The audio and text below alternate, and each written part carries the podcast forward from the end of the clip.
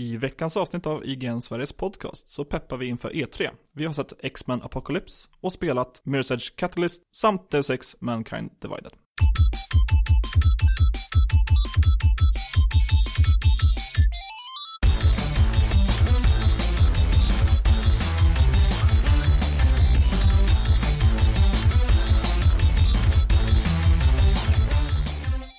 Välkomna ska ni alla vara till IGN Sveriges podcast avsnitt nummer 137 tror jag att det är.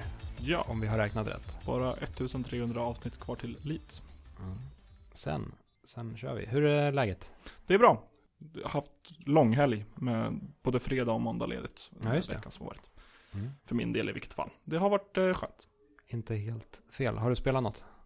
Jag har spelat en eh, hel del. Det kommer vi Det- upp, upptäcka under spelat-segmentet. Ja, just det. Det är en fråga man inte får ställa så här tidigt i podcasten. Nej, då precis.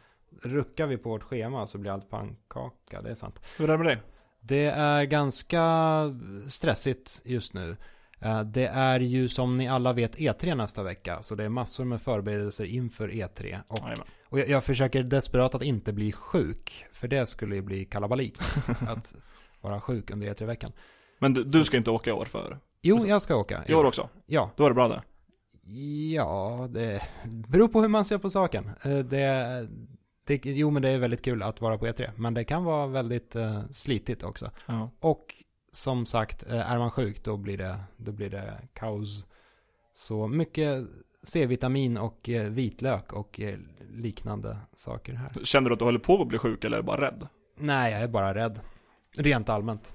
Okej, För det mesta. Eh, I övrigt så är det väl bra. Både du och jag ska på den här Final Fantasy-konserten.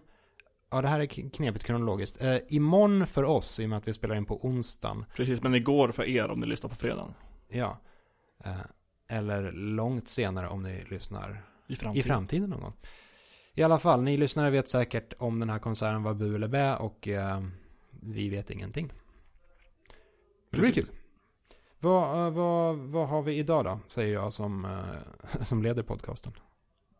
Vi har fått en del eh, kommentarer. Christidol anbefallde podden Defenders of the Crown. Jag har det precis ovanför Dragons Lair också till NES. Jag har det precis ovanför Dragons Lair också till NES. Är det här på en topplista? Topplista, skulle jag tro. ja. Dock var det kanske svårt att njuta av spelet till fullo med bristande engelska kunskaper och relativt låg ålder. Den upphottade jingeln är fin, hade passat till ett Neo castlevania spel Ja, vi snackade Mm. lite Defenders of the Crown i eh, förra Det var Starbreeze som hade köpt upp det Podcasten. i P1. Exakt. Eh, jag, jag, jag, jag fastnade lite för den här sista kommentaren. Tack förresten för, eh, för att du tycker om den nya upphottade jingeln. Ja. Det, det, David tar åt sig äran. precis. Men jag fastnade lite på, på slutet här. Hade, att jingeln hade passat till ett Neo castlevania spel Exakt vad är ett Neo castlevania spel Du kan Castlevania bättre än mig. Ja. Men jag har, ja. Jag vet inte, jag föreställer mig att det antingen är som typ Neo Contra som var en kon, tredimensionell uppföljare på, eller alltså 2,5D-version av Contra, uppföljaren på Shattered Soldier. Jag tänker Så- att allt med Neo som prefix är i en dystopisk framtid. Oh, det, ja, men då, oh, då blir det som Aria of Sorrow. Det är en dystopisk framtid, eller det är en framtid i alla fall. Ja. Men en framtid som ser ganska mycket ut som vår tid. Eller så kan det vara ett eh, Castlevania till Neo Geo. Kanske. Alltså Castlevania-soundet till ett annat format. Vi kanske får eh, anledning att återkomma till den här Neo Castlevania-frågan i framtiden. Återstår att säga. Ja, nästa. Vi har även fått en kommentar från gamla gode Puffin Nintendroid. Det bästa namnet. Precis. Skriver, skönt att ni är tillbaka igen. Ett gediget återseende. Har inte haft tid att kommentera innan, men nu så. Nu så. Välkommen Ja, tillbaka. tack så mycket. Eh, Du kanske har lyssnat Ja, sedan... kul, kul att du hänger med. Och slutligen Per Landin som eh, sömlöst har övergått från podcastpratare till podcastkommenterare. Återkommande sådan. Ja, han är arg den här veckan. Ja. Lothar är ingen kung. Åh, utropstecken, utropstecken, utropstecken. Skräll att så fort, så fort vi har med lite Blizzard i podden så kommer han och ska rätta ändå. Ja, det var lättare Jävlar, förr när han satt och rättade en här. Nu, Ja. nu får man vänta en vecka innan man blir rättad. Och sitta och skämmas. Ja, tyvärr har vi även Blizzard eh, i det här avsnittet. Så jag antar att eh, det kommer en rättelse igen nästa vecka. Eller kanske näst, rättare sagt näst, nästa vecka då. Beroende på om vi gör en podcast nästa vecka. Jag tänker på E3. Det är lite svårt. Ja, Möjligtvis om man styr upp något på Skype på något sätt. precis. Vi får, vi får se svårt. hur det blir. Det var kommentarerna. Precis.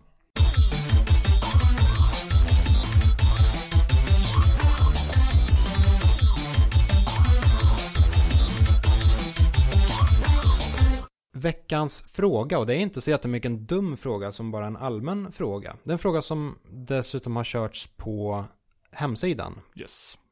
på se.ign.com. Frågan lyder, vad förväntar du dig av årets E3-vecka?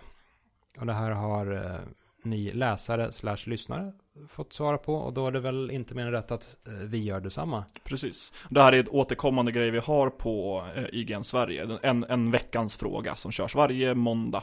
Och sen så presenteras resultatet av förra veckans fråga nästa måndag tillsammans med en ny fråga.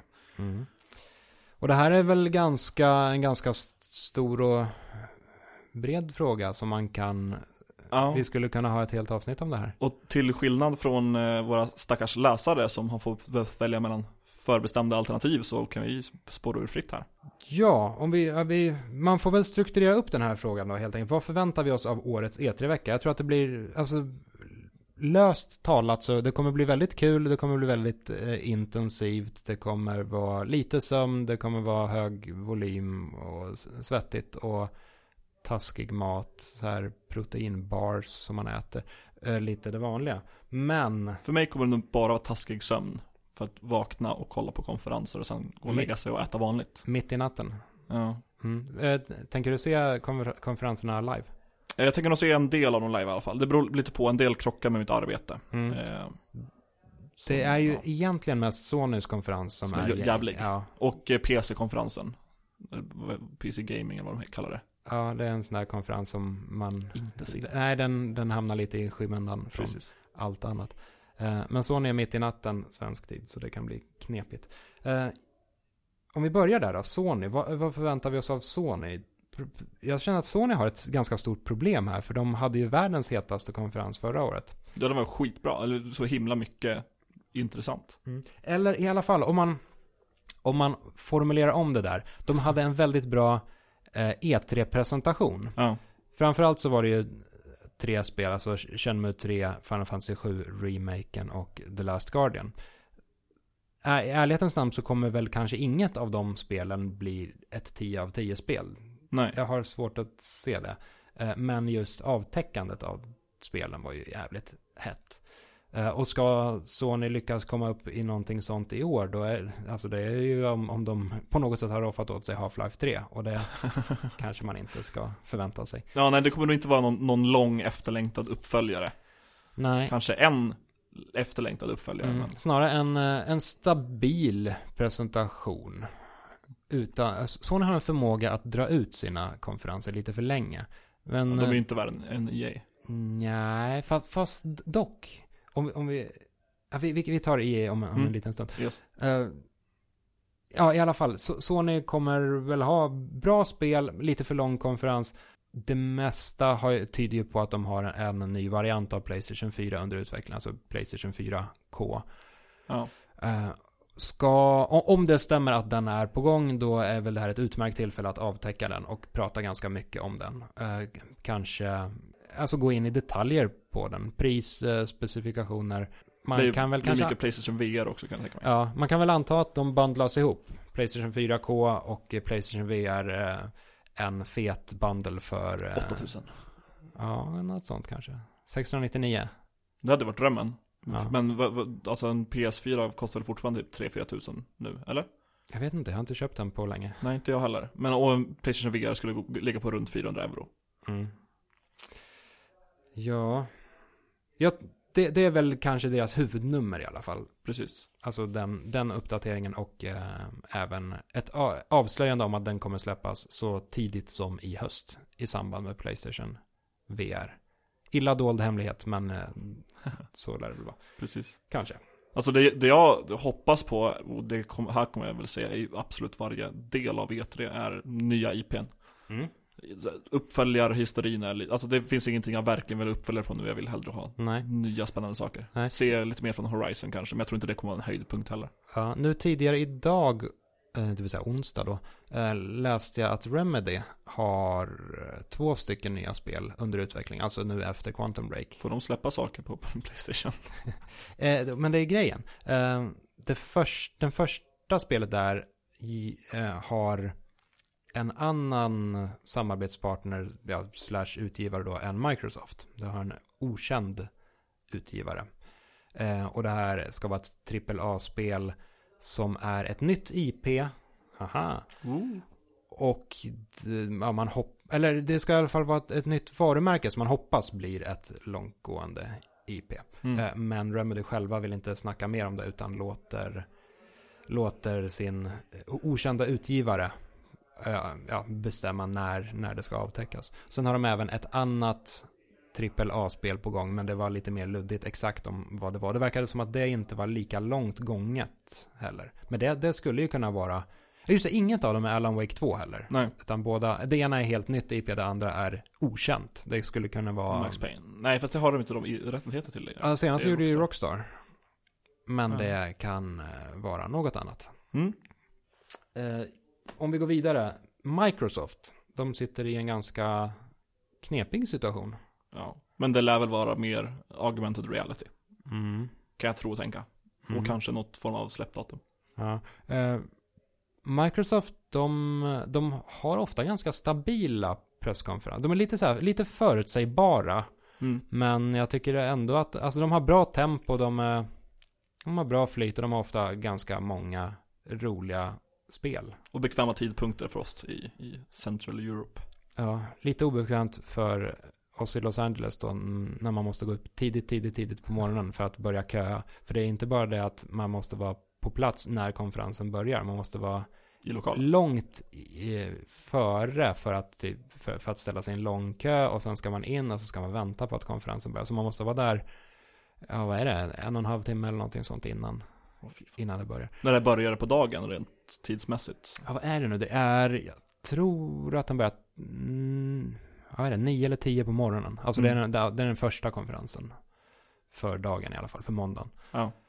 Sen redan på söndagen så håller väl EA och Bethesda sina saker. Men det kommer vi till alldeles strax. Ehm, Jag tror vi kommer få se faktiskt gameplay från Halo Wars 2. Mm, det tror jag också. Det tror jag absolut. Eh, och i och med att vi får se, förmodligen då, eh, gameplay från Halo Wars 2, så verkar det väl kanske inte jättetroligt att man redan nu börjar snacka om Halo 6. Nej, tror inte jag heller. Dels så visades femman, eller släpptes femman, Förra året. ja, och ja, två Halo-spel, kanske blir lite pang, För- kaka på kaka. de, de visade väl en del från Halo 5 under förra årets E3 tillsammans med annonseringen av Halo Wars 2. Mm. Och då var det bara en cinematisk trailer. Mm, ja, i och för sig. Sen, ja, sen samtidigt, Halo har ju inte samma betydelse som det hade längre. Eller som det hade längre, som det hade förr. Ja, Det är ju inte det stora slagskeppet. Nej. Och det, det är lite av ett problem. Eller, fast har de något annat stort slagskepp? Det är Nej, det- fortfarande att Halo är det, men det var inte så stort som det har varit. Ja, men det är just det, det som är lite av problemet med Microsofts konferens inför i år. Om man kollar på, på vad de kan tänkas ha. Halo blir ju Halo Wars 2 då, förmodligen. Eh, Gears of War 4 kommer de väl kanske visa mer av, men det är redan Mm. avtäckt, så de kan inte göra en så här jättestor bomb Nej, precis. Och betan har varit öppen för folk Ja. att spela. Och eh, Quantum Break är släppt och visade sig vara, ja, kanske inte världens bästa spel. Och så här, här är ett nytt spännande IP från stor ut- utgivare som, som gäller. ja, det kanske, det kanske blir det. Får vi se något no Hideo Kojima tror du? Tror de har hunnit, hunnit någon vart? För att kunna Mm. visa upp något på E3 i år? Jag tvek, jag är Ja. tveksam. Jag tror att det är för tidigt. Ja, nej, vi har ju en nyhet om det längre fram Ja. i avsnittet. Och det vi vet om Kojima är att hans spel ska släppas till Playstation 4. Så det är möjligtvis att det visas på Ja. PS4-konferensen då. Men, eller Sony-konferensen. Men jag, jag, jag tror att det är lite för tidigt. Möjligtvis att han går upp på scenen och, och snackar lite, presenterar lite. Men Ja. att visa gameplay tror jag är alldeles för tidigt. Ja, vi, nya IPn på Microsoft kanske vi kan... Det är väl det vi får hoppas på. Ja, vi hoppas på det. Jag är inte jättesugen på att se skitmycket från augmented reality för det, det presenteras inte så bra i, i 2D-form. Nej, precis. Eh, Nintendo, där, där, där vet vi faktiskt vad de ska visa, det vill säga in, typ ingenting. Ja, I, ingen väl? Fokusera på Ja, Zelda. och det, och det här har ju dragit ner E3-hypen något otroligt. Ja, Man, man var ju så grymt hypad på E3 i förväg. I och med att eh, Nintendo skulle visa sin, sin nya konsol. Tydde allting på. Och sen sa de att nej, fuck you guys, det gör vi inte. Utan eh, vi fokuserar helt och hållet på Zelda istället. så jävla Nintendo. Ja, Zelda kommer väl, ja alltså. Zelda kan ju bli kul. Ja, du, det, det, det vara du uttryckt lite oroligheter kring nya Zelda på grund av en öppen värld och att de Ja. kan ha svårt att fylla det. Precis. Jag, jag är inte övertygad om att Nintendo klarar av att göra en, en öppen värld lika bra som andra spelföretag gör öppna världar Ja. år 2016. Men eh, det, blir, det blir väldigt intressant att se och eh, spela Zelda för det ska vara spelbart på E3. Eh, Mm. I övrigt så är det väl inte så jättemycket mer man kan förvänta sig av Nintendo. Bethesda kör sin konferens på, redan på söndagen. Söndag kväll eh, lokal tid, vilket ju blir söndag natt då. Eller natten mot måndagen, Ja. svensk tid. Här har det börjat läcka, alltså det, det går ju rykten. Det sägs att, ehm, Skyrim HD eller? ja, dels, dels eh, en Skyrim-remake. Ja, sen- HD är ju fel att säga för du har ju HD redan förra generationen. Ja, just det. Eh, Wolfenstein 2, Mm. eh, The Evil Within 2, vilket vi snackade lite om i den här podcasten för tidigare i våras. Eh, och vad var det tredje? Prey 2 var det. Ja, Prey är lite roligt för det, är en... Första spelet var ju ohyggligt ehm, försenat. Det var ett sånt här Duke Nukem Forever-projekt. Så det började utvecklas 95. Släck, släpptes 2006 tror jag. Eller något sånt. skönt. Och nu, Jag, jag spelar aldrig. ja, och nu, nu är det in, inför tvåan. Eh, FPS i alla fall, kul. Ehm, Men Wolfenstein 2 är någonting man kan bli relativt peppad på om det är Machined Games som gör det. För Ja. Wolfenstein The New Order var ju verkligen skitbra. Mm. Svenskutvecklat som sagt. Eh, och det är kul att de har lyckats återuppväcka både Wolfenstein och Doom. Doom. Om man, alltså i början av 00-talet, då var ju inget av dem, Särskilt. eller alltså Wolfenstein, det- det- Wolfenstein-spelen var ju inte dåliga, men det var, det var samtidigt, Fast början av 00-talet då hade vi ändå Return to Castle Wolfenstein. Som var Mm. ändå mo- mottogs med, ja. Men det, mottogs ganska varmt. ja, men det, det var så här stabila FPS som kändes lite identitetslösa på något sätt. Ja. Ursäkta. Ehm, och Doom 3 år 2004 var inte så jävla kul. Men nu, eh, nu för tiden så är både Wolfenstein och Doom Kul. Ja, kul igen. Och det är roligt. Eh, vilket för, alltså, för övrigt, de, de måste ju nästan göra en uppföljare på det här nya Doom nu. För folk gillar ju nya Doom. Ja. Men vad blir det då? Blir det Doom 2 igen? Har vi då alltså Doom 1, 2, 3, Doom, Doom 2? ja, eller med någon dum undertitel. Ja. Eller Doom med två stycken tvåor som on. Det blir Doom 22. Det blir ännu dummare. Nej, dum undertitel tror jag. Hell, hell, om man räknar alla port, om man räknar alla portar och olika variationer som har gjorts på Doom-spel, då blir det i alla fall ett Doom 22. Ja, det kanske är sant. Final Doom. Eh, ja, Bethesda kommer väl göra en, en stabil och ganska liten konferens. Ehm, vad har, har vi mer? Vi har Ubisoft. De här konferenserna brukar vara sådär. Det är speedade folk som springer runt på scen. Det är ganska mycket dan- dansspel. Ja, och, och eh, kändisar som de tar upp, eller B-list-kändisar som de tar upp på scen. Mm. Som några känner igen. Ja. Hoppas Det- Aisha Tyler är med i år. ja, vi får se. Har det varit ett eller två år? Men, ja, hon ty- tycker jag är kul konferenser. Ja, Men annars är det väl, väldigt konstiga konferenser. Ja, hon, hon, den, den här konstigheten, i mång, på många sätt är den ganska negativ, men hon, hon lyckas ta den här konstigheten och eh, göra, Göra charm av det. Ja, Ja. nej, jag håller med. Hon är, Jag tror i alla fall definitivt att vi inte får se ner Beyond Good and Evil 2. I år heller. tror inte det? Nej. Nej, Hoppas, men tror inte. nej. Vad kommer de visa då? De kommer visa mer av Ghost Recon, vad heter det? Wildlands heter det va? S- säkert. Kommande Ghost Recon. De Ett kom, Assassin's Creed. Ja, för de ska inte släppa något Assassin's Creed i år. Nej. Ehm, Men de kan- de men Watch Dogs 2. ska Ja, de det, det är Det är sant. bekräftat. Det, ja, det, och det har ju börjat eh, komma ut teasers inför Ja. det här. Så Watch Dogs 2 kommer de väl köra hårt på. eh, Ghost Recon kommer säkert nämna, eller nämna, men kommer prata om eh, The Division och eh, att de Mm. är glada över att det har mottagits väl och så, här, ja, visa lite siffror och sådär. Eh, Siffror på E3, det är ju det bästa. det är sexigt. Det är som Nintendo var det 2007.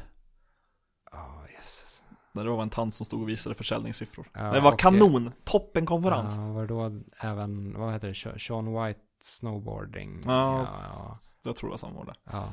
Och Wii Music. Stabilt. Ja, gedigen konferens. Eh, d- eh, Ubisoft har ju en vana att alltid använda sin eh, ja, sista tidsslott för ett, eh, ett lite mer bombastiskt avtäckande. Mm. Du tror inte på Beyond Good and Evil 2 alltså? Jag har blivit burned before. Ja, Eh, alltså, det ska vara jättekul, för jag gillar verkligen Beyond Good and Evil. Och tvåan har vi ju sett två eh, små videoklipp från. mm. Det skulle vara jättekul att se någonting på Ja. riktigt. Men, Men jag kände så här, Nej. n- någon överraskning måste ju ändå komma på E3. Någon liten så här, wow. De kanske tittade på Sony från förra året och tänkte nu är, nu är det dags. Precis, en, man kanske inte ska lita på att Sony återupprepar det här. Nej, men att någon har nej. tagit inspiration. Jag kanske, mm, jag kanske kör en, en, en vild gissning och säger att eh, i slutet av eh, Ubisofts konferens så blir det Beyond Good and Evil 2. Och det blir li, lite av årets E3-skräll. Eller en av skrällarna i alla fall. Jag hoppas du har rätt. Mm. Eh, Electronic Arts också. De har väl ingen, de har ingen riktig konferens i år. Utan de har flyttat den till något lite mer flummigare på söndagen. Okej, Istället för måndagen. för det, det visste inte jag. Annars hade jag kunnat berätta hur konferensen hade sett ut. I alla fall en stor del av konferensen som hade varit EA Sports. Mm. När Ja, man, men nu har någon sån här EA Play-variant. det, Ja. alltså det, man ska väl ta de här grejerna med en nypa salt också. Nintendo, de slutade ju ha E3-konferenser också, men Ja, istället ju- föll de tillbaka på det här Treehouse-konceptet. Och det, alltså de avtäcker ju fortfarande spel och visar upp spel på E3. Så. och kör en Nintendo direkt i samband med E E3. Ja, så även om man inte får en regelrätt konferens när folk står på en scen så kommer det fortfarande släppas eh, trailers och nya spel, ja, spelnyheter helt enkelt. Mm. Eh, I alla fall, vad väntar vi oss av EA? Ja. Tystnaden är talande. Nej. Jo, Mer jo. Battlefield 1. Jag ser faktiskt gameplay. Ja, det kommer vi få se. Eh, vi, vi kommer väl, man, man hoppas ju på att få se lite av Mass Effect Andromeda också. Ja men det är väl läge för det i och för sig. Ja, det vore trevligt. Och nu fick jag hjärnsläpp, det är jobbigt. Battlefront heter det. Mm. Battlefront 2 vill du ha, eller DLC. Uh, DLC, det är väl redan typ utportionerat över året. Men Ja. det, det är väl sagt att det ska komma ett nytt Battlefront nästa år. I och för sig, det görs inte så jättebra att visa upp det. För jag kan tänka mig att ett Battlefront 2 skulle se ut ungefär som Battlefront 1. Ja. Alltså även om det, vad man än, oavsett om man tycker att Battlefront är bra eller dåligt. Ja, ritar man upp Stormtroopers med Frostbite-motorn så ser det, Bra. det, ja, det, det kommer se ut ungefär som ettan kan jag tänka mig. Jag vet inte vad jag vill ha sagt med det här. Jag gick vilse i min egen navel. Ja. Ja, Fifa känns- 17 lär väl försöka dra på ganska mycket också i och med att det nästa, alltså det ska släppas med Frostbite-motorn. Ja, ja, visa fotboll. hur jävla snyggt det är. Men vi är ju Fotbollspodden. Ja, just det. Vi konkurrerar ut den där eh, som Jesper Englin har. Vad heter den? Offside? Nej, det är en tidning. The Reserves. Så heter den ja. Fuck you guys.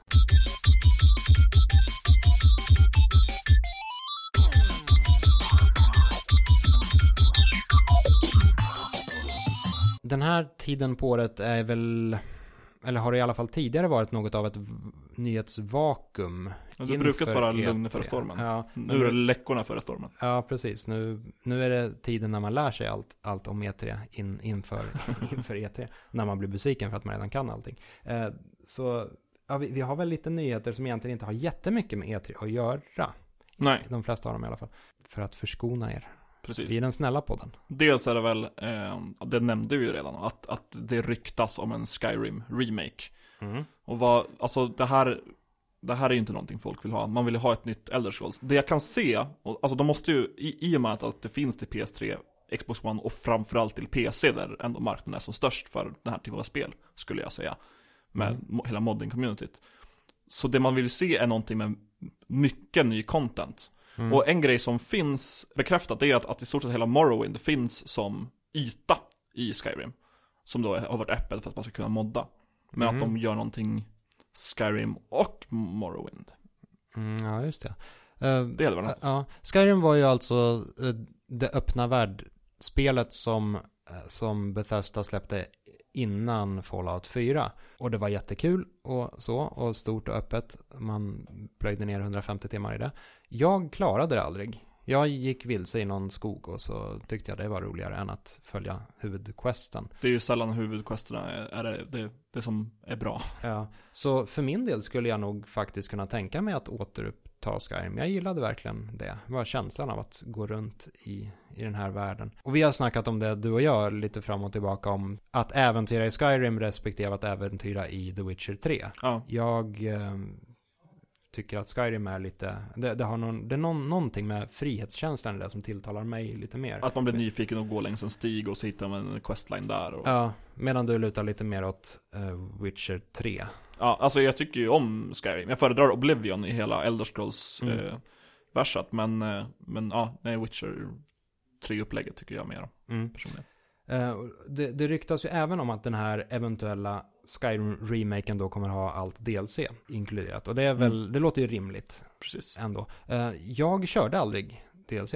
Nej, inte Så jag. för min del funkar det här alldeles utmärkt. Skulle man kunna hugga in i det. Å andra sidan, jag har inte tid. Jag har verkligen inte tid med den här skiten. Nej. Speciellt inte 150 timmar till. Nej, eh, och det, det här eh, har ju lite, vi klumpade ihop den här nyheten med att även Final Fantasy 12 kommer få en remake. Mm, och den är bekräftad. Mm, den är däremot, precis, den är bekräftad och har en trailer och allting. Eh, och den heter, vad heter den heter? Final Fantasy 12 kolon The Zodiac Age. Du får inte fråga mig om det här. Nej, Det är du som kan. jaha. Jag tror att den heter Zodiac Age i alla fall. Eh, och det är alltså en HD-remake av eh, 12 som kom till Playstation 2 en gång i tiden. Mm. Det här... Det har inte jag spelat. eh, Nej, jag, eh, jag missade faktiskt 12 också. Det var någonstans där de började gå över till mer eh, realtidsstrider och inte eh, turordningsbaserade med battle screens och grejer. Mm. Jag, jag körde ju alla Final Fantasy liksom upp till 10 Sen kom 11 och var ett online-spel som jag inte var intresserad av. Mm. Och sen när 12 kom, då, då hade jag hunnit bli så avtänd av hela japanska rollspelsgenren att jag hoppade det. Mm. Och istället försökte gå på 13 och det var ju ett misstag. För det var ju inte lika kul. Så jag tar jättegärna, jag tar emot den här reaping, re, reapingen, remaken med öppna armar. Men har du tid? Nej, det har jag inte heller. Eh, Men den ska inte släppas förrän 2017, så jag, jag, än så länge har jag tid att, eh, Var nyfiken. ja.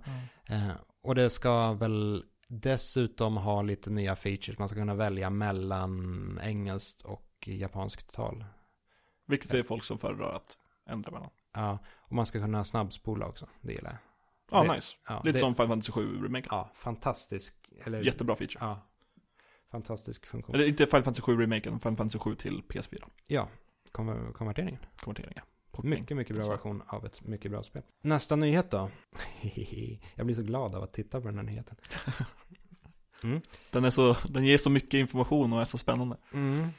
Kojima Pro- Productions, alltså Hideo Kojimas eh, nya, Produktionsbolag? Ja, nya, nya eh, bolag. Har, har ju en logga. Eller en, en maskot kan man Mm. kanske kalla den. Alltså, eh, det är en, en gubbe som heter Ludens. Vilket eh, kommer efter eh, ludus på latin. Som betyder spel. Och det här är alltså en, typ ett skelett i en eh, rymddräkt som påminner lite om en romarhjälm. Ja, eller det är väl en, en rymddräkt med skelettlogga på? Har inte jag helt fel? Nej, det är, ett, det är en rymddräkt och sen är det ett skelett i, innanför hjälmen. Okej. Men, Ja, men, här men. kommer twisten. Nu har eh, skelettet tagit av sig vad som visade sig vara en mask. Så det är i själva verket en människa det- under skelettet. Kan det vara så här att eh, Kojima utvecklar ett Mission Impossible-spel? Med skelettmaskar? Masker. Ja, det- Ja, shit. Det kom ju ett Mission Impossible-spel till Nintendo dun. 64 back in the days. Typ ungefär samtidigt som Goldeneye. Och det sades vara vä- väldigt bra. Jag körde det aldrig själv, men Nej, spelat. mm, ja, Fint. Nu blir det ett Bra. sidospår av rang här. Eh, I alla fall, vi har alltså en, en, rymddräkt som innehåller ett skelett som i sin tur innehåller en människa. Och den här människan har i sin tur eh, en slogan, ett slagord. Och det är det fantastiska I'll keep coming. Vilket bara kan feltolkas. Det här är ju, det här gör mig glad. Ja, alltså det, det, det, det lär väl vara så att, ja men det handlar om Kojima, nej men jag kommer alltid komma tillbaka. Ja, I get knocked down, but I get up again. Men, Men- men det är väldigt svårt att inte läsa in eh, något väldigt sexuellt i det här. Jag gillar skelettkuppen som I'll keep coming. Vi, eh, vi kanske lämnar nyheten där. ja, vi går vidare Vi till har Blizzard. inget att tillägga. Ja, Per Landins favoritämne Blizzard. Precis, och det visar sig att kungen Lothar i Blizzard eh, har startat samarbete med Facebook. Eller kommer starta ett samarbete. Eh, och det betyder att vi kommer kunna logga in i World of Warcraft, eh, Heroes of Storm, Hearthstone, Diablo 3, Starcraft 2, alla deras aktuella, Overwatch också. Eh, med våra Facebook-konton. Eh, handlar även då om möjlighet att kunna streama direkt till sitt Facebook-flöde via Mm. den här funktionen. Ja, Facebook tar över världen. Ja, eh, älskar att kolla på streams på Facebook. Ja, det är det enda jag gör faktiskt. Det Ja, alltså det Hur många kids, eller hur många streamers och den, de som kollar på streams använder Facebook för annat än att man ska ha ett Facebook-konto för att kunna logga in på tjänster. Alltså Facebook håller ju på att dö ut ganska mycket på den fronten. Andra sociala medier tar över ganska mycket, så som typ korta saker eller Twitch för att kolla streams. Och YouTube som alltid finns där. Ja, det känns ju som att ska man streama saker då är det Twitch som gäller. Eller YouTube. Det Ja. verkar fungera ganska bra. D- ja, dock, det är väl bra med ett uh, lösenord mindre att tänka på, antar jag. Ja, och Facebook-autentisering är väldigt säkert också. Förutsatt att du inte blir hackad på ditt Facebook-konto. Mm. Men det ligger på dig. Förlåt. Specifikt dig, Viktor Sjöström. Förlåt.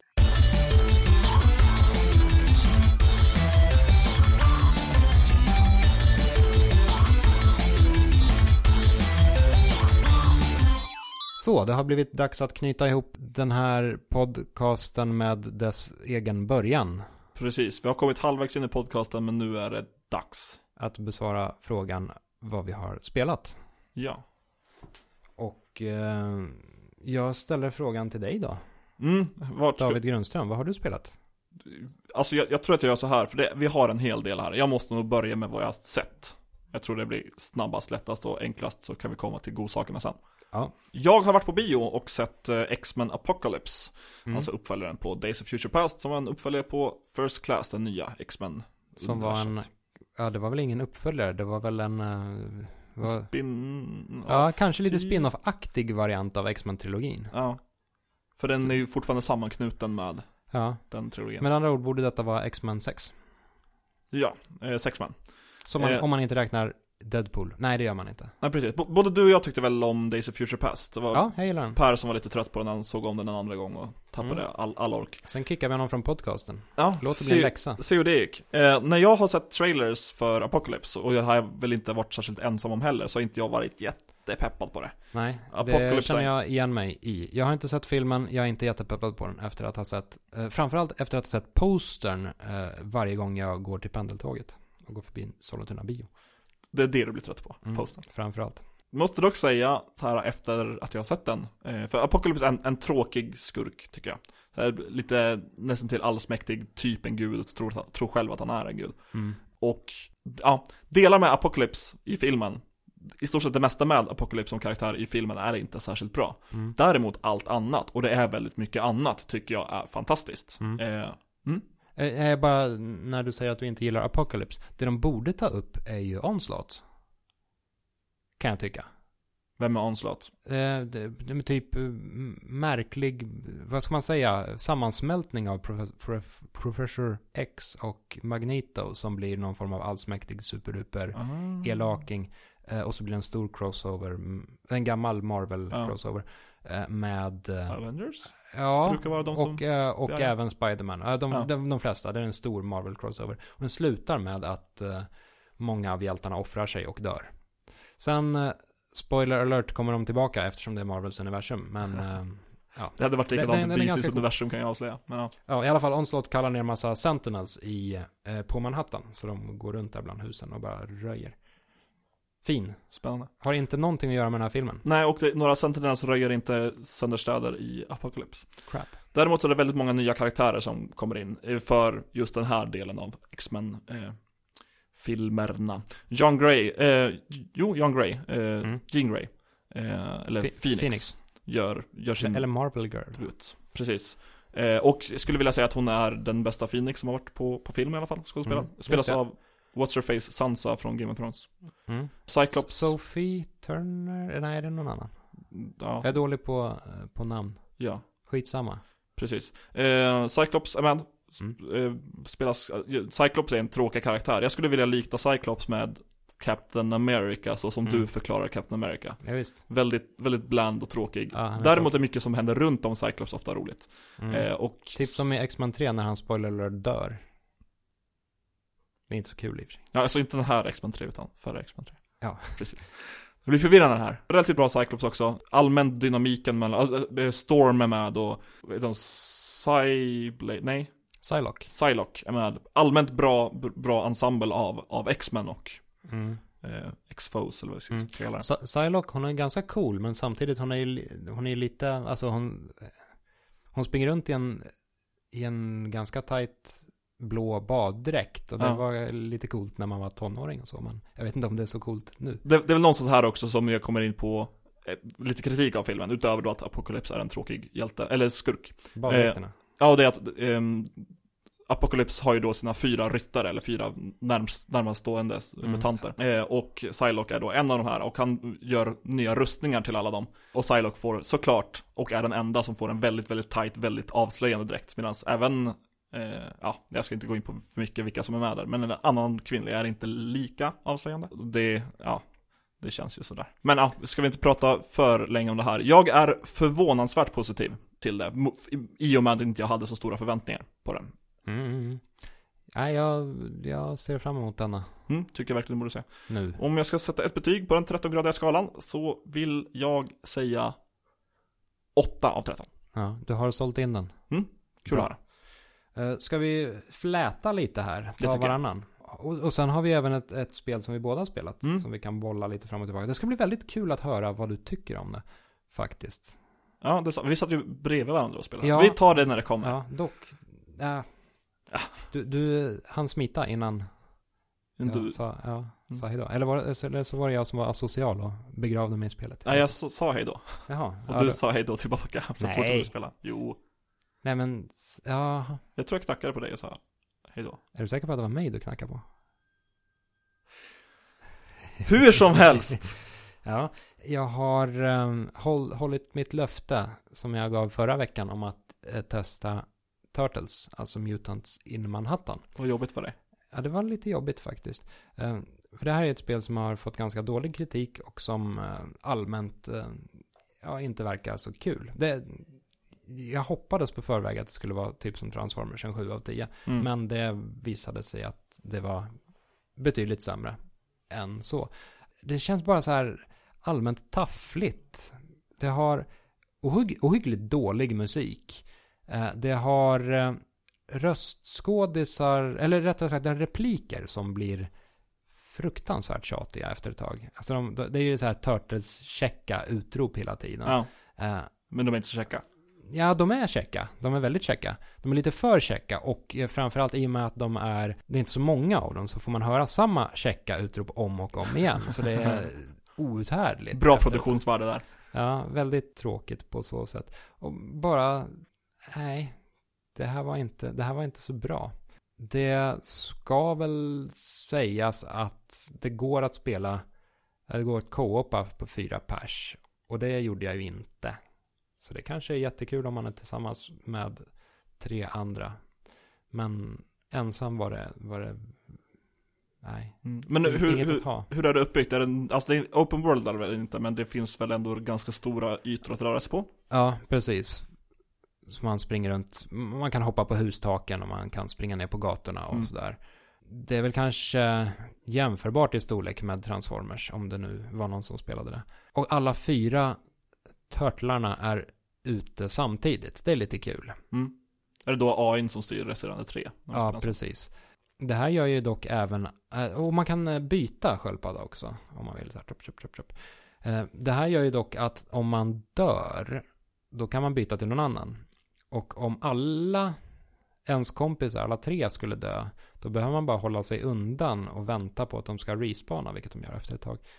Så det är inte, det är inte så jättebra uppstyrt. Låter, låter som ett utmanande spel. Ja.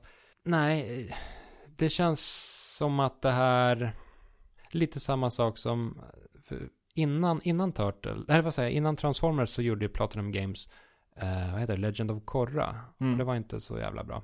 Så nu är det lite tillbaka ner i det träsket. Och det är synd. För det förtar lite av illusionen av att Platinum Games ska vara den här supertajta, nästan övermänskliga eh, actionspelstudion. För uppenbarligen kan de göra, göra misstag. Ja, kanske trötta på licenser. Och, och, det är en annan sak också, att den här, det här känns inte som en lika... Alltså Transformers var ju en, en väldigt fin tolkning av 80-talsfenomenet. Det här känns snarare som en, en tolkning av moderna Turtles. Och ja. det blir inte samma nostalgivärde då. Och det är synd. Jag tyckte inte att det här var kul. Jag skulle säga att det var en kanske 5 av 13. Sånt. Det är ett lågt betyg. Bam. Jag har eh, också springit på hustak. Som, mm. som man kan göra i Turtles. Jag har spelat Mirror's Edge Catalyst. Mm. Kata kataklysm. Ja, precis. När Deathwing kommer. Mm. Deathwing ja. över Glass City. Eller City of Glass heter det. Ja, mm, precis. De kallas bara Glass. Glass, ja. Främst. Eh, uppföljare på Mirror's Edge 1, obviously, eller Mirror's Edge. Eh, ett spel jag håller väldigt varmt om hjärtat. Mm. Där Mirror's Edge kändes lite grann som en, nästan en tech-demo, väldigt lång sådan, för vad, vad DICE kan göra utöver bara shooters. Mm. Så är ju Mirror's Edge 2 någon, något försök att göra det här till ett faktiskt spel. De har mm. gått över till en open world och det här pratade vi om även när jag hade spelat betan. Mm. Och du yttrade där lite rädsla, ska jag säga, att man inte kan riktigt ha någon stor översikt. Nej, precis. Och, och, det är någonting som verkligen stämmer. Det är lite svårt att se vart du är på väg. Du ser en stor röd pelare, för du har ju bara waypoints som du sätter ut för att springa fram och tillbaka. Du ser ju den här stora röda pelaren en bit bort. Mm. Och så har man eh, så kallad runners vision som då, dels är det i ettan så hade du fasta banor och du hade röda Allting där du ska springa var markerat med rött som ge någon form av, av ledtråd Så är det även här eh, men det är också en, röd sorts puls som går och visar någon sorts väg. Mm. Det är inte nödvändigtvis den bästa vägen och eh, om man kör om utmaningar om och om igen så kan man hitta snabbare vägar. Mm. Eh, men det blir på något sätt det förtar lite av den här känslan, väldigt stilrena känslan som fanns i Mirror's Edge 1. Här blir det lite mer plottrigt, även om det mm. försöker vara åt det stilrena hållet. Jag tror att det jag sa när vi snackade om Mirror's Edge för några avsnitt sedan, det mm. var väl att just det här att i och med att Mirror's Edge går ut på att det, det är något av en parkour-simulator. Ja. Medan ett öppen världsspel handlar om frihet och att kunna ta sig vart man vill. Att om man ser en, ett ställe långt borta i världen istället för att känna den här friheten att dit, jag, jag kan besöka vilken plats som helst, kanske mm. där borta, så blir det ett, eh, just ett, ett jobbigt projekt att ta sig dit. För då måste man hålla på och mickla med eh, konstiga vägar och springa runt. Och det, det, blir, blir alldeles för svårt att ta sig runt i världen. Precis. Och här blir det också så att du, du spenderar majoriteten av all speltid på hustak. Mm. Eh, det mesta du kan se av, du kan inte komma ner på gatorna. Eh, utöver vissa specifika områden och då trillar du ner så dör du. Ja, som eh, i ettan Ja, precis. Eller som i verkligheten. Ja, just det. Mm. Håll er borta från gatorna kids. Trilla i alla fall inte ner på dem från, från höga, höga hus. Ett annat problem med det här spelet är dess karaktärer. Alltså Faith som karaktär är ganska cool och kaxig. Mm. Men hon pratar lite för mycket i det här spelet, vilket tar ifrån mycket av det. Nu säger jag inte att personen inte ska prata, men ska man prata ska det vara välskriven dialog. Och det finns inte här, varken för Faith eller någon annan av karaktärerna. Faith är den enda som jag har, man på något sätt är lite investerad i, på grund av nostalgi från ettan. Mm. Man får väl nästan till och med säga nostalgi nu, för det var sju år sedan, 2009, nej 2008 Åtta, tror jag. som släpptes. Resten av karaktärerna som finns är otroligt oinspirerade. All dialog är, jag vet inte om det är dialogen eller röstskådespelet. Jag tror att det är dialogen som är bara stel. Eh, röstskådespeleriet kan inte riktigt rädda det här heller. Så man hinner aldrig riktigt bry sig om någon karaktär. Lång del av spelet, alltså det, det, det är lite uppbyggt som ett Zelda tror jag var någon som nämnde, vilket jag kan hålla med om. Att du, du får nya förmågor eller nya, Lolwood? ja men du får nya, nya förmågor för att kunna ta dig till an, nya delar av stä- städerna. Ja, Speciellt då, det, nu har inte jag ordet i huvudet, men det kan jag läsa i min recension. Som, som, som ett Metroidvania? Eller vad ja, typiskt så. Du får en grappling hook och den här kan du uppgradera på olika sätt för att ta dig till nya ställen. Mm. Eh, och det här kan ju dels då snabba på hur snabbt du kan röra dig i vissa eh, saker du redan har gjort, eller för att ta dig till helt nya ställen. Mm. Till en början är det bara som en, ja, en, en grappling hook så du kan svinga dig den andra, eh, näst, här efter, efter det så kan du dra dig till objekt så du kan klättra upp till höga eh, positioner genom att bara Mm. grappla upp. Sen så har man även möjlighet att, att eh, slita ner lösa föremål. Mm. Det är ju någonting med just att här, eh, hitta nya förmågor och att uppgradera och pyssla Mm. som, som är väldigt roligt i spel. Mm, absolut. Det ganska ofta så, så kan det här lyfta spel. Kan jag, tycka. jag vet inte, exakt vad det är Ja. rent psykologiskt som, som gör det roligt. Men Jag, jag tror att i Mirror's Edge så, det blir väldigt, alltså det, det växer väldigt mycket efter att ha fått allting du behöver. Då Ja. blir spelet, det känns som att spelet börjar, men det här, då, nu snackar vi i alla fall tre timmar in mm. i spelet. Och jag vet inte, jag kan inte uppskatta hur långt det är, jag har inte klarat av det ännu. Jag tänkte försöka göra det ikväll. Men när man, ja, någonting som var charmen med Mirror's Edge 1 var att du spelade igenom de här nio banorna eller vad det var. Mm. Eh, och sen när man startar upp det igen så kun, hade du lärt dig så himla mycket mer, men allting fanns där från början. Mm. Här är det istället ett progressionssystem, så du låser upp vissa möjligheter, så som att eh, springa mot en vägg, vända dig, eller göra en quick turn, och sen hoppa igen för att använda den för att hoppa mellan väggar. Mm. Eller ytterligare en för att kunna springa läng- längre upp och göra två sådana här Mm. hopp längs Man väggar. kanske nästan måste göra så om man gör en, ett öppen världsspel av den här karaktären. Ja, jo, jag, kanske. jag gör inte spel själv, så jag... I don't know man. Ja, men på något sätt så känns det som att den här öppna världen lite tar ifrån det, det ändå kompletta i, i spelmekaniken som fanns i första Mirror's Edge. Mm. Man gillar när det är lite avskalat. Ja, det är, alltså öppen Ja. värld är ju inte alltid en bonus. Nej, det, då gäller det att det är en värld som är kul Mm. att utforska. Däremot är det så att det är så otroligt eh, finjusterad, eh, finjusterat plattformande och parkourande att det är otroligt kul när det verkligen är bra moment, när det är relativt tydliga banor och att du inte behöver pussla för mycket om det är ett, ett uppdrag och folk skjuter på dig. Mm. Eh, och och du, du, du verkligen känner dig snabb och, och smidig och duktig och känner dig som, som Faith Connors. Eh, det är kanon. Mm. Eh, det, en annan grej de har i spelet är det finns vissa safe houses dit du då kan, kan göra någon form av quick travel till. Om du tar ner vissa lo, lokala av, av eh, eh, inte polisen men Krugersec heter de, så är privat övervakningsföretag. Eh. Watchtowers från eh, Far Cry. Ja, lite så. Du måste ta dig in via, starta en form av uppdrag och så ska du plattforma lite grann längs saker och försöka att inte trigga alarm. Och då Mm. ta ner de här för att kunna eh, använda fast travel. Mm. Och det här är faktiskt till skillnad från vad jag sa om att när det inte är för pussligt så är det ganska pussligt här, men det är gjort väldigt bra och Mm. väldigt kul. Man klättrar på typ serverrack i stora cirkulära rum med enorma pelare i, i mitten. Som på ditt jobb va? Äh, Jag jobbar inte så mycket med serverrack, men vi har sådana. Fast Ni har stora cirkulära, cirkulära rum i alla fall. du tror mycket om mig. Ja, det är så jag föreställer mig. Det. Kul att höra. Ja, men för att på något sätt avrunda det här. Jag, jag vet inte om min recension kommer upp när det här avsnittet släppt, men det kommer, jag ska skriva den här om dag, i dagarna. Eh, och det ska ut ganska snart. Mm. Men om jag ska sätta ett betyg, Mm. Det, har, det har fått ganska blandad kritik får man säga. ja. Alltså det har ju sina starka moment, vilket är Ja, det har inte, ja, dock det har inte kammat hem några så här riktiga topp... Eh, Nej, Ja, det verkar in, inte fläckfritt om man säger så. precis. Om du Eh, ska ställa dig till kritikerskaran. Så skulle jag säga, alltså det här är så mycket lättare att köra 10 grader skala. Jag vet inte varför jag har kört in hos den här 13-gradiga. Nej, vi får nästan eh, se över den. Ja, inte det här avsnittet dock. Jag tänker säga 9 av 13. Jag kommer att ge det ungefär en 7 i min skrivna recension av 10. Mm, mm, mm. Så 9 av 13. Det, det är kul att springa men det tar för lång tid att kunna springa helt och hållet och det är en oengagerad story och karaktärer. Mm. Då plockar jag upp ett eh, spel. Jag behöver inte snacka jättemycket om det i och med att vi redan har tal, talat om det tidigare. Men, Men, nu jag, kan jag, vi prata klart om det. precis. Jag har kört klart Doom nu. Eh, och Det är 44M. Ja, typ. Det, det, jag tyckte det höll hela vägen. Det, alltså det, det, det, det hade sin gammaldags stil som fungerade hela vägen in i mål. Eh, väldigt röjigt, väldigt kul, väldigt old school. Simpelt på, på många sätt. Eh, det jag inte riktigt gillar det är att Alltså det är ju ett spel som handlar om att resa från Mars till helvetet Ja, och slåss mot massa demoner som man ju gör. ibland. Och då kan man tycka att det finns jättemycket utrymme för att göra riktigt, riktigt coola saker. Med. Alltså he- helvetet är en väldigt tacksam miljö. Man kan göra i princip vad som helst med det. Och det Man kan balla ur. Ja, exakt. Och Doom ballar inte ur tillräckligt mycket. Det, det har en ganska så här, trygg tolkning av helvetet. Eh, Visst, det är så här, det är massa blod och splatter och pentagram och tända ljus överallt.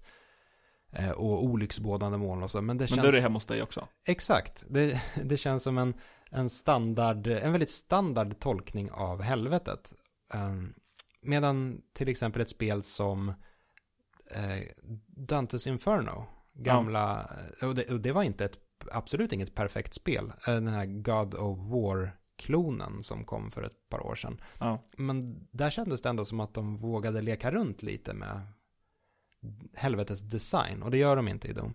Eh, samma sak med fienderna. Det är, de är ju motbjudande på sitt sätt. Men det känns lite som nästan så här actionleksaker på ett sätt som jag inte riktigt... Alltså första Doom på 90-talet, det kändes som att det vågade experimentera och pusha gränserna lite mer. Det hände...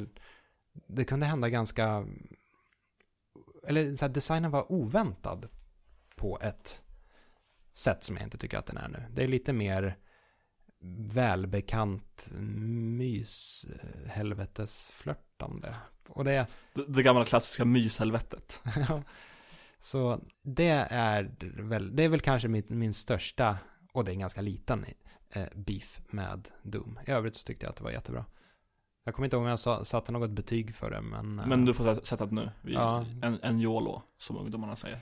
Med sina emojis Ja, jag hade väldigt, väldigt, väldigt roligt med Doom. Jag skulle säga eh, 11 av 13. Jag är fortsatt sugen. Tyvärr så, eller tyvärr, men jag, jag hade det digitalt så jag kan inte låna ut skivan till dig. Det, det är okej. Sorry, sorry. Sen kommer vi väl till vad, vad vi kan kalla crescendot Mm. på något sätt. Jag har, Jag har använt det ordet, jag tror de senaste tre podcasterna. Jag vet inte vad som är grejen med att jag säger crescendo ofta nu. säger du det ofta i, i eh, verkligheten? Nej. IRL? Eller det, nu gör jag det. Det är väl något samband där att jag börjar säga det. Ja. Jo, vänta, vänta. Innan vi tar det spelet, för det kan Ja. vi ändå antas vara det största spelet här. Det kan jag Eh, jag stiger lite snabbt in bara med att jag har även kört eh, Guacamelee, eh, Mm. det här Metroidvania, eh, när man är en eh, brottare. En macho libre eller vad heter det? Ja, eh, och eh, det är väldigt kul. Det har väldigt snygg design, väldigt... Det, det har gameplay som går ut på att man växlar mellan två världar hela tiden. Och i Mm. den ena, ena världen kanske plattformar är utfällda, i den andra världen är de inte det. Så man måste växla mellan världarna. Eh, och då skapas pusselmekanik. Eh, och så är det ett Metroidvania med eh, snygg design, typ rolig humor som ofta flörtar med andra spelvarumärken. Eh, varumärken. eh, Grejen är dock att vi har börjat köra det i co-op. För nu för tiden kan man tydligen köra det i co-op på PS4. Jag tror inte man kunde göra det från början. Utan att det är någonting man, de som har patchats in i den här senare versionen av spelet. Eh, Okej. Och det märks tydligt att det här är ett spel som inte är utvecklat för att spelas i co-op. För kameran hänger inte riktigt med, så folk faller utanför och måste så här bubblas tillbaka in i skärmen. Typ som New Super Mario Bros. Ja, lite så, fast... eh, fast På steroider. Ja. Eh, fienderna, alltså varje gång det blir strid så... Man spör ju skiten ur alla fiender för att man är så många. Ja. Och det blir totalt kaos och så vinner man. Kan du köra upp till fyra då eller? Ja, precis. Eh, jag tror att det egentligen är bättre att spela det här på två pers. Eller ja, en kanske allra helst. helst. Bra spel i alla fall, men kanske inte ett optimalt co-op-spel. Eh, och så, eh, som allra hastigast också så vill jag slå ytterligare ett slag för Earth Defense Force 4.1 The Shadow of New Despair. Jag börjar... Jag bör... Jävla titel. Ja, det är fantastiskt. Jag börjar få lite samma känslor för det här spelet som jag har för, för Just Cause. Alltså att det, det, det är någon slags eh, spel som bör ingå i, så här, i, i alla spelares spelsamlingar. För det är ett väldigt kul spel att falla tillbaka på. Det är väldigt okomplicerat kul röj. Ja, ja alltså eh, för er lyssnare, jag och Viktor bor ju i samma byggnad och åker hem efter podcasten tillsammans. Och efter de senaste avsnitten så har du pratat mycket om Earth Defense Force 4.1. Ja, det är väldigt fint. Eh, Och det är ju, som, som jag har sagt många gånger tidigare, det är ju li- lite småtrasigt och småbuggigt och inte speciellt, det är, det är inget AAA-spel, utan Nej. det är ju något av ett budgetspel. Men för att vara ett budgetspel så är det väldigt imponerande ändå. Och det är framförallt oerhört roligt på ett väldigt, väldigt simpelt actionvis. Så jag kommer fortsätta tjata om Earth Defense Force 4.1, The Shadow of New Despair, tills vi får åtminstone någon kommentar från en lyssnare som, eh, som har upptäckt det här spelet och testat på det här spelet. Då känner jag att mitt uppdrag är slutfört. Kan någon lyssnare snälla upptäcka det här spelet? Spela, spela. Men vi kanske ska gå över till Deus Ex Mankind Divided, Mm. som vi har spelat. Jag har av någon anledning alltid svårt att komma ihåg den här undertiden, titeln. Jag börjar alltid tänka för mig själv, är det här som är Mankind Divided och var det det förra som var Human Revolution? Eller Jag är tvärtom? precis likadan. Human Revolution är ju förra, det här är ju Mankind Ja. Divided. Eh, men jag är precis likadan. Vilket var vilket? Ja men det var, ja men det är nog Mankind Divided. Precis. Vi var på ett eh, pressevent för det här, Mm. fredags förra veckan och spelade och embargot släppte nu när vi spelade in. Vi hann börja spela in innan det släppte till och med. Mhm. 18.00 onsdag. Eh, och vi kan prata om det. Precis på gränsen. V- v- var ska man börja? Om man snabbt presenterar Deus Ex. Deus Ex är ju en eh, serie som går tillbaka till slutet av 90-talet. Precis, Eh. action-RPG. Ja, och det, och det var framförallt, det var ju väldigt tidigt ute med det här att man fick göra sina egna val. Eh, på den här tiden så var det inte alls lika vanligt. Nej. Så Deus Ex var ju lite av en revolution. Man kunde välja om man skulle skjuta sig in i, i en situation eller om man skulle försöka förhandla sig eller om man skulle smyga genom, genom eh, ventilationstrummor och, och så. Så det, det var väldigt, ehm, väldigt banbrytande. Och därmed något av en eh, kultklassiker.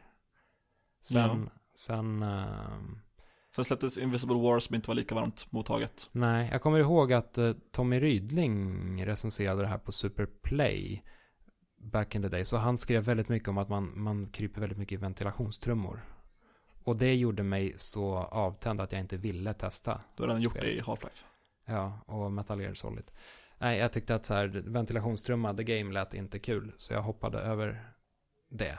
Mm. Däremot körde jag förra och det var kul. Ja, jag är, alltså jag är ett stort fan av förra Human Revolution. Jag, alltså jag har nämnt att det var förra generationens bästa spel för mig personligen. Jag inser att det inte är det för alla. Eh, jag tror nog fortfarande jag känner så. Jag, jag stealth Det- är ju en genre jag gillar väldigt mycket och det här är Ja. väl verkligen fokus på stealth. Du har möjlighet att, att rusta upp det och vara lite mer shooteraktig, men Ja. det är stealth som belönas. Ja.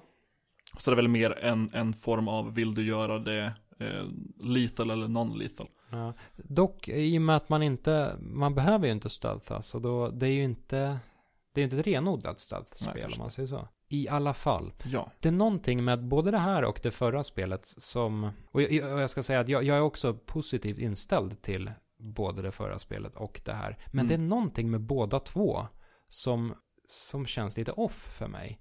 Alltså det, rent tekniskt sett så är det inte jättesnyggt. Det är någonting med så här ansiktsmodelleringen och så här, eh, Den är lite mun, munrör, ja, Ja.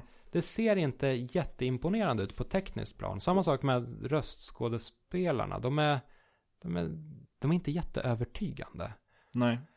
Och det, Ut- Utöver jag tycker huvudkaraktären Adam Jensen är ganska duktig. Eh, ja, nu är inte ja. Adam Jensen röstskådespelaren, det vet inte jag i, i huvudet. Mm. Jag tror att det här är lite någon form av så här anti eh, Naughty Dog. För Na- Naughty Dog gör väldigt många små saker som man, man har svårt att sätta fingret på exakt vad det är. Men i och med att alla de här små sakerna klaffar så blir helheten väldigt eh, övertygande och Ja. mänsklig. Jag tror att det här är Naughty Dog fast inverterat. Att det är lite små grejer, kanske animationen är lite, lite märklig där och ragdollen är lite skum. För att Ja. inte tala om jätteskum. Testade du också att slänga in eh, lik i olika saker? Nej, men jag såg att du gjorde det. Ja, det är Eh, det bästa jag vet.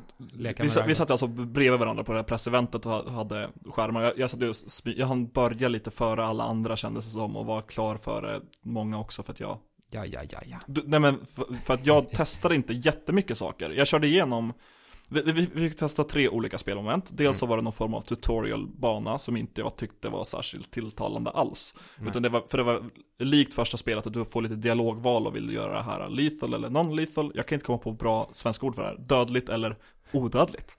Det är lite eller snällt. Dödligt eller snällt. Och sen Ja. vill du göra det på nära håll eller på långt avstånd. Ja, jag vet inte om det här är de eh, tutorial eh, delarna som det kommer att se ut i det färdiga spelet. Men här var det ju så att man fick en, en situation och så fick man tutorial på det. Så här, nu kan du gömma dig bakom den här lådan. Nu kan du dra upp eh, granaterna och Ja, kasta precis. hitåt. Och sen fick man spela exakt samma situation en gång till. Ja. Så det, det blev, det blev lite... Konstigt. Ja, det Men, men något jag noterade där var att du verkligen sprang runt och testade dumma saker. Men det är väl också för att du är lite förälskad i ragdoll och hur dumt det kan vara. Ja. Ja. Den, och, och, den kan vara väldigt dum i Human... eh, nej, inte Human Revolution. Mankind, Mankind Divided. Divided. Fuck. Jävla undertitlar. Ja, nej, eh, som sagt. Eh, det är någonting som, gör mig, som inte gör mig jätteimponerad av det Mm. här spelet. Eh, dock, det är vä- väldigt snygg eh, design och eh, värld. Jag gillar hela konceptet också med sy- syntetiska människor, vad säger man? Augmenterade människor. Ja, som... Att det, och, och relationen till dem och problemen som uppstår där med, med eh, rasism och eh, terrorism. Och Ja, de kallar det the mechanical apartheid. Mm. Vilket har fått väldigt mycket kritik, men jag kan väl tycka att det inte är så himla hemskt. Och jag är ju med i PK-maffian. Mm. Jag eh, snackade lite med producenten efteråt också. Eh, jag ska inte ens försöka uttala hans namn. Det skulle bli slakt. Det är ju franskt. Ja, eh, men i alla fall, han... Men det var direktorn va? Ja, det kan det ha varit, Mm. ja. Han menade i alla fall att eh, det inte var inspirerat av verkligheten. Att, alltså att de inte tar in speciellt mycket intryck från hur verkligheten ser ut idag. Nej. Och det kan ju låta lite konstigt, för alltså rasism och terrorism är ju tyvärr en, Verkligen på tapeten. ja, det är väl det enda som det snackas om i nyheterna nu för tiden. Precis. Men eh, nej, Ja. tydligen vill de köra sitt eget race. Men den här tutorial-delen tyckte inte jag jättemycket om i vilket fall. För att hur jag vill spela Deus Ex, det är genom hela spelet med en ljuddämpad pistol. Och det kunde man inte ha i det här eh, tutorialen. Du kunde få en, en revolver, eller en eh, eh, automatgevär, eller en taser gun typ, eller stun gun tror jag den heter. Eller en eh, typ sniper rifle med eh, sömnpiller, höll jag på att säga. Mm, Sleeping darts. Däremot fick vi även spela en, en hemlig demo kallar de. De tryckte in en kod. Eh, Ja, det var lite, lite lustigt eh, upplägg. Precis, jag frågade, är det här Konami-koden? Så skrattade han och gick iväg när han låste upp det. Jag fick ingen bekräftelse på det. För det var, det var verkligen på numpaden och några, Mm. hur, hur som haver. Det här tyckte jag, det här vaknade mitt intresse till. För här var det Deus Ex som jag kände till det. Och jag fick ha en ljuddämpad pistol. Och det var ett uppdrag man skulle eh, infiltrera ett litet ställe och snacka med en, en terroristcellsledare, kan man väl kalla det. Mm. Och det fanns väldigt många vägar att gå, man kunde göra lite sidogrejer och läsa på mycket datorer för att fa- fatta lite om universat och Mm. där vaknade jag till. Ja, och den, den banan kändes lite tajtare. Va, eh, Mm. Jag kommer inte ihåg vad den hette, men det var. Någonting Ogre, Ja, ja. Ogre City kanske. Ja, det har funnits eh, trail, eller eh, uppvisat material från det här sedan tidigare. Mm. I alla fall lite, mm, inte klaustrofobisk bana direkt, Nej. men eh, inomhus eh, lite mer. Eh, medan det första demot var väl i eh, Dubai. Ja, precis, på något hotellresort. Ja, när man hade utsikt över ökensanden och så. där. Eh, ska bara falla tillbaka på, det är mycket riktigt, du hade rätt. Han är Game Director, hans officiella eh, titel. Jean-François Du- Dugas? Du- Du- Dugas?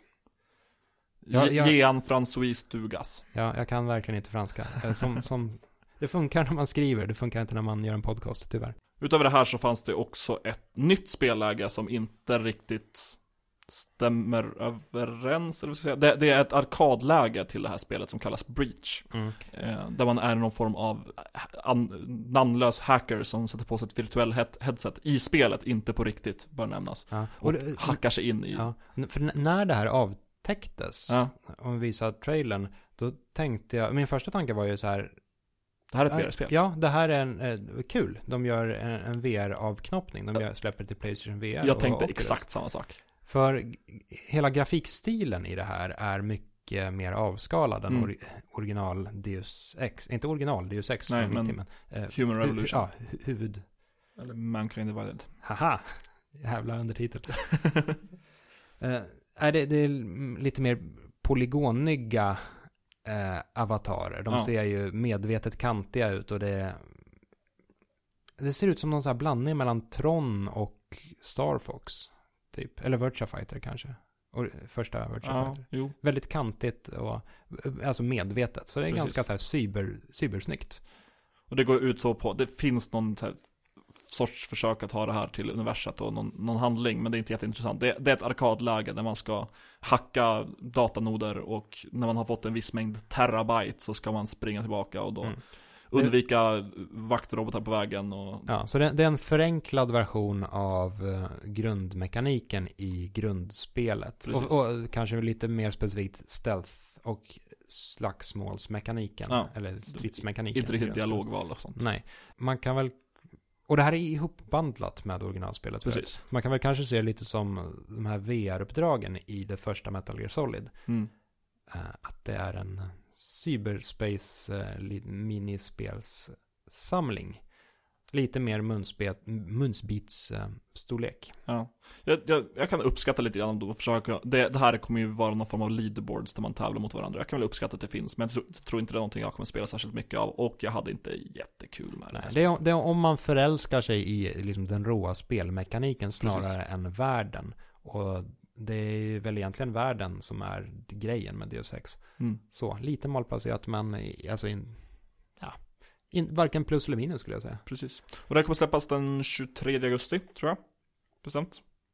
Mm. I år. Kan vara 22 också. Eh, lagom till min födelsedag, så jag vet vad jag ska, kommer göra under den perioden. Grattis i förskott. Tack så hemskt mycket. Och sen en sista Deus Ex-uppdatering är att eh, det även kommer släppas ett eh, Deus Ex Go. Till mobila enheter, likt Lara Croft Go och Hitman Go. Ja, Och de är ganska kul. ja, båda de har väl blivit väl mottagna. Mm. Det är ett litet eh, spelbräde nästan. Eh, alltså, Ja. Man hoppar runt med Adam Jensen bland hexagoner precis. och fuckar upp shit. Och, och hacka och skjuta och Hackar planeten. och... Ja, hack the Han planet. vet hur det går till Precis. i verkligheten. Det ser jag lite fram emot också. Mm. Men ja, mycket mer tid och ork än så har väl inte vi. Nej, eh, och som sagt vi får väl se hur vi gör med podcast nästa vecka. Vi, jag är ju eh, ute och ränner dessvärre, så jag har lite svårt att komma hit till micken. Precis, och sen efter det behöver vi göra något form av sommaruppehåll.